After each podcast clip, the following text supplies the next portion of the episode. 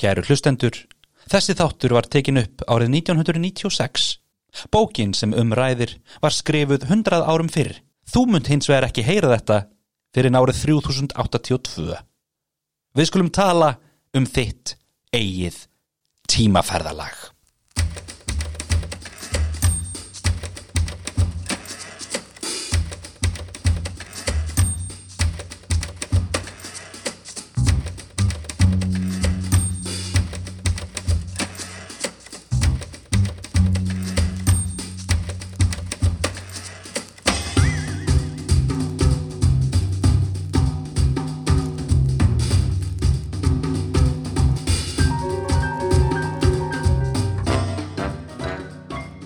Aftan á bókakápu stendur bók sem virkar eins og tölvuleikur því þú ræður hvað gerist. Þitt eigið tímaferðalag er öðruvís en aðrar bækur. Hér ert þú söguhetjan og ræður ferðinni. Viltu hitta vikinga, romverja eða risaeðlur? Þórir það aðtúa hvað er um að vera á jörðinni eftir hundrað ár? Hvað með þúsund? Passaðu bara tín ekki tímavélinni svo þú komist öruglega heim aftur.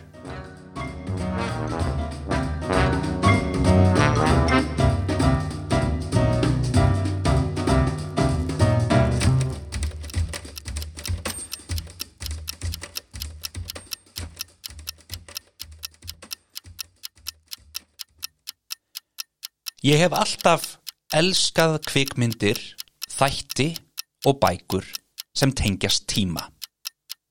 Ég hef alltaf líka verið mikill áhuga maður um, þið vitið, bara hvað klukkan er yfir höfuð, okkur hún er ekki orðin meira eða ó, misti ég af þessu. Eina mínum uppáhalds bíómyndum er kvikmyndin Aftur til framtíðar 1, 2 og 3, Back to the Future, sem eru æðislegar. Eftir því sem ég varð eldri fór ég að lesa um kenningar tengdar tímaferðalögum og sá að þær eru jafn margar og þær eru mismunandi. Sumar kenningar sem að flestir vilja meina að séu bara til í skálskap segja að maður geti ferðast fram og aftur í tíma. Aðrar kenningar segja að það sé ekki fræðilegur möguleiki að ferðast aftar en til þeirrar sekundu þegar tímavélinn var búin til. En aðri segja að einhver tíman verði vissulega hægt að búa til tímavél en hún muni aðeins geta farið fram í tíman, aldrei aftur. Ég velti því stundum fyrir mér hvort að tímaferðalangar séu kannski bara nú þegar hér. Ég meina ef að tímaferðalög verða einhver tíman fundin upp.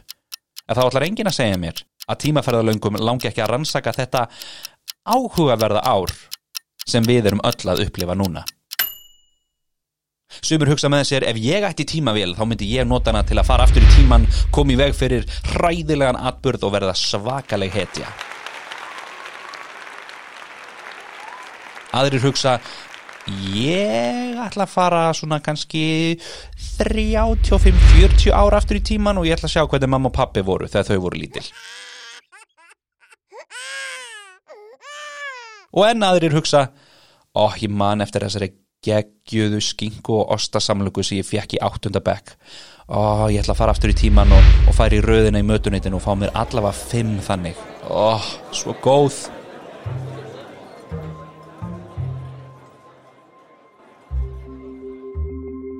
Hugmyndina þínu eigin tímaferðalagi var ekki mín. Tengdafadir minn Kjartan Ólafsson myndist á þessa hugmynda titli einhver tíman við matarborðið og ég greip hann á lofti. Mig grunar samt að það hefði komið að henni fyrir en setna vegna þess að ég elska allt sem tengist tímaferðalögum. Eins og með allar þín eigin bækurnar að þá byrjaði þessi bók í miðum. Ég settist niður og velti fyrir mér hvert myndi ég fara, svona í alvörunni, ef ég ætti tímavél. Róm til forna kom til dæmis strax upp í hugan, þið vitið, Július Caesar, Ringleika hús, það er alveg að gera eitthvað með það. Risaðlur sömuleiðis. Mér var búið að langa að hafa risaðlur í þín eigin bókunum í dágáðan tíma og var þess utan búin að skrifa bók sem heitir Risaðlur í Reykjavík, mæli með henni. Þannig að ég vissi að mér langaði að leika mér með möguleika í sambandi við risaðlur. Hvað ætlar að gera? Ætlar að hlaupa? Ætlar að flýja? Hvað ætlar að gera þú finnur risaðluegg? Ó nei, þetta er ekki bara hvaða risaðluegg sem er, þetta er grameðluegg. Og, ó ó, það er einhver að koma úr egginu. Hvað ætlar að gera? Ég var mjög spenntur að skrifa þann kapla. En hvað ef við hugsaum ekki svona stórt? Ef við erum ekki að fara mörg hundruð eða þúsundir eða miljónir ára aftur í tíman, hvað með stuttan tíma? Það er líklega það sem ég myndi gera í alvörunni ef ég myndi eitthvað tíman finna tímavél. Ég myndi örgulega byrja því að fara tíu myndur aftur í tíman. Kortir, klukkutíma, bara til að tjekka hvort þetta sé ekki örgulega allt í lægi. Það var heimur sem ég er þótti mjög skemmtilegt að skoða. Hvað þú fer klukkutíma aftur í tíman og svo örlítið aftar og svo örlítið aftar, hvað ef þú hittir sjálfan þig? Hvað ætlar að gera? Og hvað með framtíðina? Hversu langt viljum við fara og hverjar eru líkunar á því að jörðin og mannkinnið verði hérna ennþá?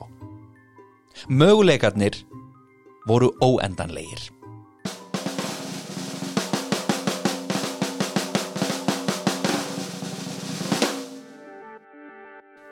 Eftirfarandi er nöðsynlega tilkynning til allra væntanlegra tímaferðalanga. Passið ykkur að ferðast bæði um í tíma og rúmi. Ef þið ferðist bara um í tíma eru þið í vondum málum.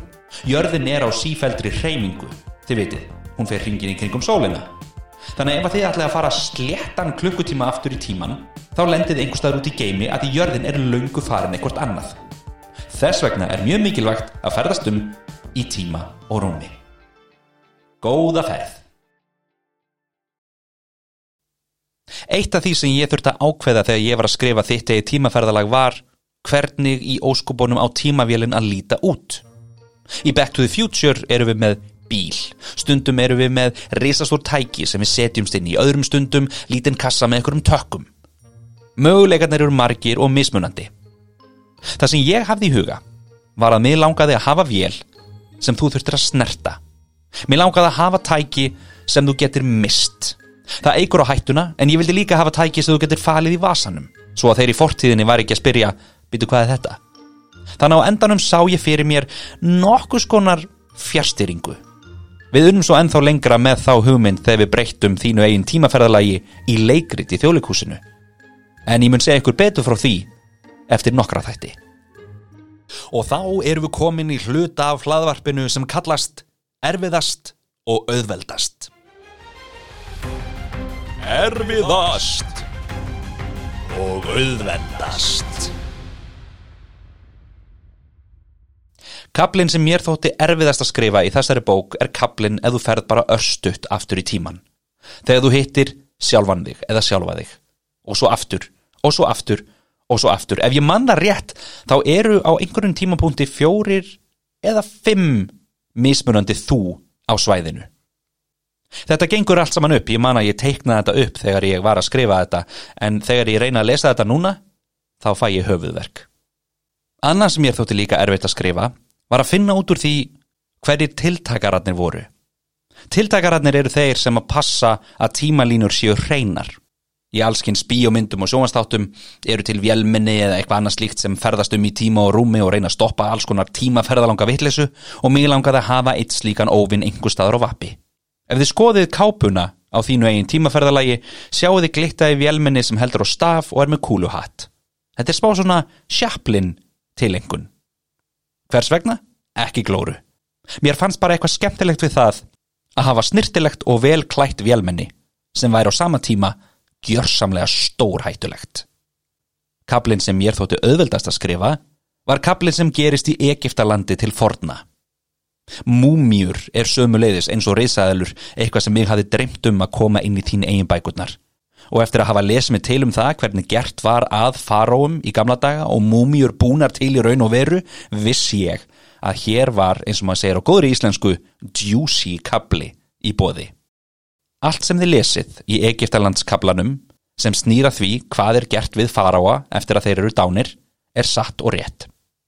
Líffarin voru tekin og sett í krukkur, þeir voru fylltir af allskins ilmblómum og heilin, jú, var skafin út um nefið. Verð ykkur á góðu. Annað sem mér þótti mjög mikilvægt að hafa í framtíðar hluta bókarinnar var kapli um mengun. Og ég veit, það er alltaf verið að tala um mengun og við þurfum að fara valega og venda umhverfið okkar og það er ekki að ástæðu lausu. Þess vegna langaði mér til þess að hafa plast eigu kapla. Þar sem plastvandamálið sem við vonandi getum sigrast á í dag hefur verið hundsað. Í þínu eigin tímaferðalagi má líka sjá leifara því sem hefði kannski einhver tíman orðið þín eigin íslendingasaga. Við erum með 8 ára gamlan Egil Skallagrimsson gjörsamlega snarbrjálaðan. Hann er nestum því hættulegri en snarðalutnar í fortíðinni. Passið ykkur á honum. En við erum líka með Ingolf Arnarsson og Hallvegu Fróðadóttur konunans á leiðinni til Íslands í leitað nýju heimili. Einhvern tíman velti ég því fyrir mér hvað hefði nú eiginlega gerst ef einhver hefði bara skemmt öndvegi súlurnar, sögt þeim og Ingolfur og Hallveg og allir einur um borð hefðu aldrei fundið Ísland. Hvað hefði orðið um Ísland?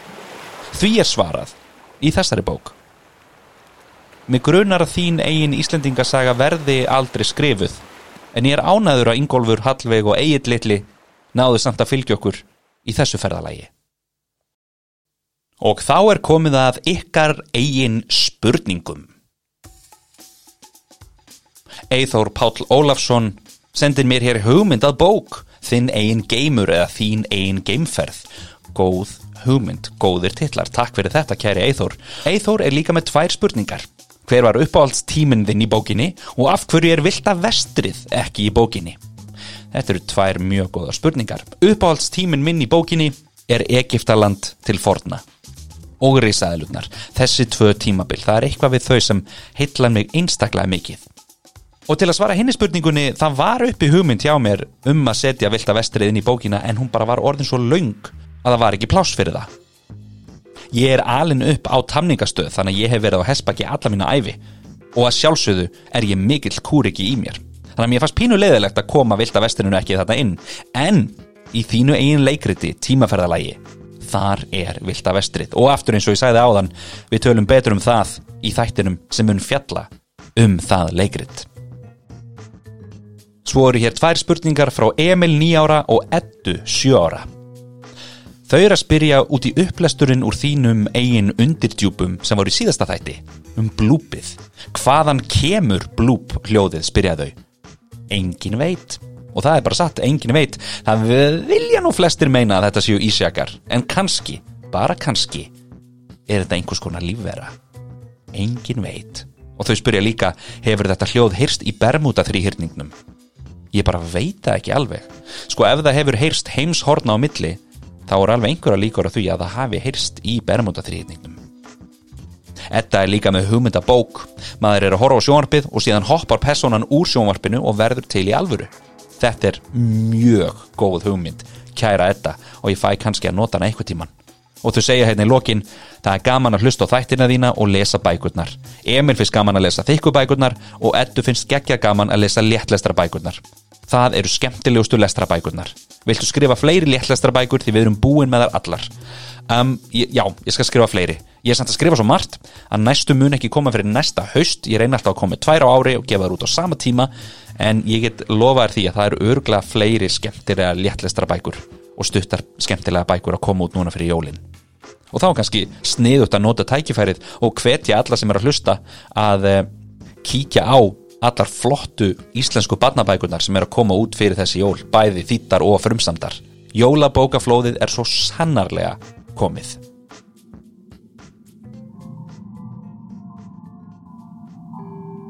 Og þá er komið að upplestri úr þínum eigin undirdjúpum.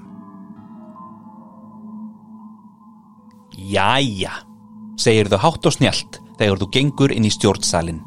Hvernig gengur? Profesor Alda stendur við reysastort stýrið og heldur í það með báðum höndum. Við hliðin á því virðist hún enn minni enn venjulega. Við sáum fjöldamörg eintök af Zetasea, segir hún spennt og lítur til þín. Þú starir á móti. Zeta hvað? spyrðu. Hún hristir höfuðið.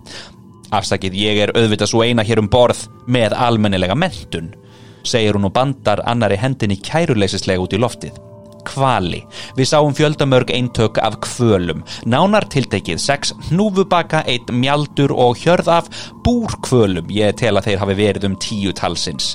Hér er líka talsvert af hákörlum, óvinnju margir en ég náði því miður ekki að greina tegundirnar.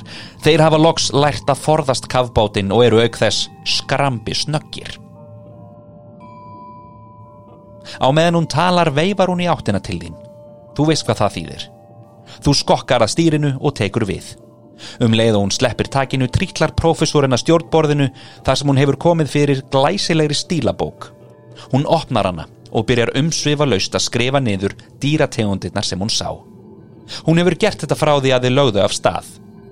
Þótt mín leið hafi ekki verið valin er engin ástæð til þess að nýta ekki ferðina, hafði hún sagt, og þú ert algjörlega sammála því. Á meðan þú stýrir lítur þau upp í glerkúpulinn Þótt þú hafið vanist því að sofa neðansjávar á samt því að borða þar og fara á klósettið, þú hefur ekki enn þórað að spyrja hvert allt sem þið sturti niður fer, þá er glerkúpullin alltaf ja stórkostlegur. Þú ræður ekki við brosið sem læðist fram á varir þínar í hvert einasta skipti sem þú lítur upp í hann. Allskynns lífverur af öllum stærðum og gerðum þjóta hjá og þið klessið aðeins á örfháar þeirra. Sterk ljósinn sem eru framann á kavbátnum og lýs ykkur leið verðast fælaðu frá í tæka tíð. Hákallar hafa reyndar verið dálíti vesen. Samkvæmt profesor Öldu sjáðir frekar illa en laðast samt að hreyfingu og þess vegna hafa allavega fjórir þeirra klest á kavbátinn. Þú vonar að þeir takið því ekki persónulega. Hínum eigin í salnum stendur Hafdís og bógrar yfir skrifborði sem hefur greinilega verið notað lengi. Það er hennar staður. Á borðinu, eins og síðustu þrjá daga, liggur fjársjóðskortið. Fjórir tómir og skítuir kaffibotlar halda krumpuðum hornunum föstum svo það rúlist ekki saman. Engin annar vogar sér að koma nálat kortinu á meðan Hafdís er nálæg. En þegar salurinn er mannlaus, læðistu stundum að kortinu og skoðar það. Kortið er trosnað og illa farið en einhverju hluta vegna er samt mjög góð lykt af því. Þú kemur ilmennum ekki alveg fyrir þig en hann minnir þig á morgunmatt. Það vilðist engin vita hversu gamalt kortið er en þú ímynda þér að það hafi verið teiknað fyrir mörg hundruð árum og að sæfarar hafi reynd að finna það eftir ýmsum krókaleiðum en án árangurs. Og nú er það hér. Þú hefur reynd að spyrja Hafdísi hvernig hún egnaðist það en hún kemur sér alltaf undan því að svara. Allan daginn stendur Hafdís við skrifborðið og starir á kortið. Stundum tekur hún upp mæla, reglustykur, gráðuboga og annað slíkt, krótar eitthvað einbeitt á svip með blíjandi, gengur hægum skrefum að stjórnborði kafbátsins, aðtuga ratsjána, lesa af mælum, reiknar og arkar svo að stýrinu. Þar gefur hún leiðbenningar sem miðað við alla útreikningana eru satt best að segja oftast frekar ónákvæmar. Opp, opp, opp, passa sig, bara pínu, svona já, flott. Í hvert skipti sem ný leðbenning er gefin tekur Hafdís í stýrið og snýrið í ofurvarlega annarkvort til hægri eða vinstri. Kavbáturinn getur reyndar líka farið upp og niður ef maður tógar stýrið að sér, upp eða ítir því frá sér, niður. En Hafdís verðist ekki hafa áhuga því. Hún verðist vera sátt með dýpið sem hefur verið þúsund metrar síðan þið silduð frá landi. Þegar þú hugsaður um það hvað þið eruð á miklu dýpi færður hnút í magan sem er svo indisleg blanda af spennu og hungri. Stopp! Veinar hafði skindilega og hleypur að stjórnborðinu. Þú stendur enn við stýrið og veist ekkert hvað þú átt að gera. Hvernig stoppar maður kafbátt? Svarið virðist liggja hjá stjórnborðinu því Hafdís hamrar á alls konar takka og stöðugt vélarhljóðið sem þú tekur valla eftir lengur lækkar þar til það loks hljóðnar. Þú sér þig gegnum glerið að kafbáturinn berst nú blíðlega með mjúkum sjávarströymi. Þú lítur á profesor Öldu sem stendur með stílabókina sína skamt frá og fylgist forvitin með vinkonu sinni. Hér, spyr profesorinn. Hafdís kinkar kolli. Hér, svarar hún loksins. Þú gerir þér grein fyrir því að fjöldamörg skip hafa sokkið hér í Allandshafinu, fullir þér profesor Alda. Ertu vissum að þetta sé það rétta? Hafdís brosir. Já. Þú lítur á þar báðar. Fjársjóðurinn, spyriðu, eru við strax búin að finna hann? Hafdís dregur djúft að sér andan og lítur í áttina til þín. Já, svarar hún og þú sér það hendur hennar titra. En X-ið á kortinu er frekar stórt, byrjar þú. Hvernig getur við verið vissum að Hafdís hlustar ekki? Hún snýr sér aftur að stjórnborðinu, rýfur í hljóðnema sem skagar út úr því og ítir á takka. Sæþór, Argar hún í hljóðnemann og röttinni bergmálar um salin. Þið grunar að það heyrist í henni um gerfallan kafbátinn. Ég veit ekki hvar þú ert, ormurinn þinn, en nú er nóg komið af fílu. Þú ert búin að húka inn í herberginu þínu í þrjá daga. Allar hendur á dekk. Við skiptum liði. Tveir verða um borð og leita að ofan, tveir fara út og leita að neðan. Koma svo, sipp og hói. Hún líkur máli sínu, bakkar frá hljóðnumannum og arkar til þín. Til hamingju, þetta tók ótrúlega stuttan tíma, segir þú og hún kinkar kolli annars hugar. Aha, emitt, hvort viltu? spyr hún ákveðinum rómi. Við megum engan tíma að missa. Þú skilur ekki. Hvort viltu? Endur tekur Hafdís og er strax orðin pyrruð. Ég, veit ekki hvað þú átt við, stamar þú og lítur á prófessor Öldu. Hún brosir með sjálfri sér og fer svo aftur að skrifa eitthvað í stílabókina sína. Hafdís bendir á glerkúpulinn. Viltu koma út með mér að leita á sjávarbotninum eða vera hér inni og nota ljósin frá kafbátnum til að leita? Veldu núna.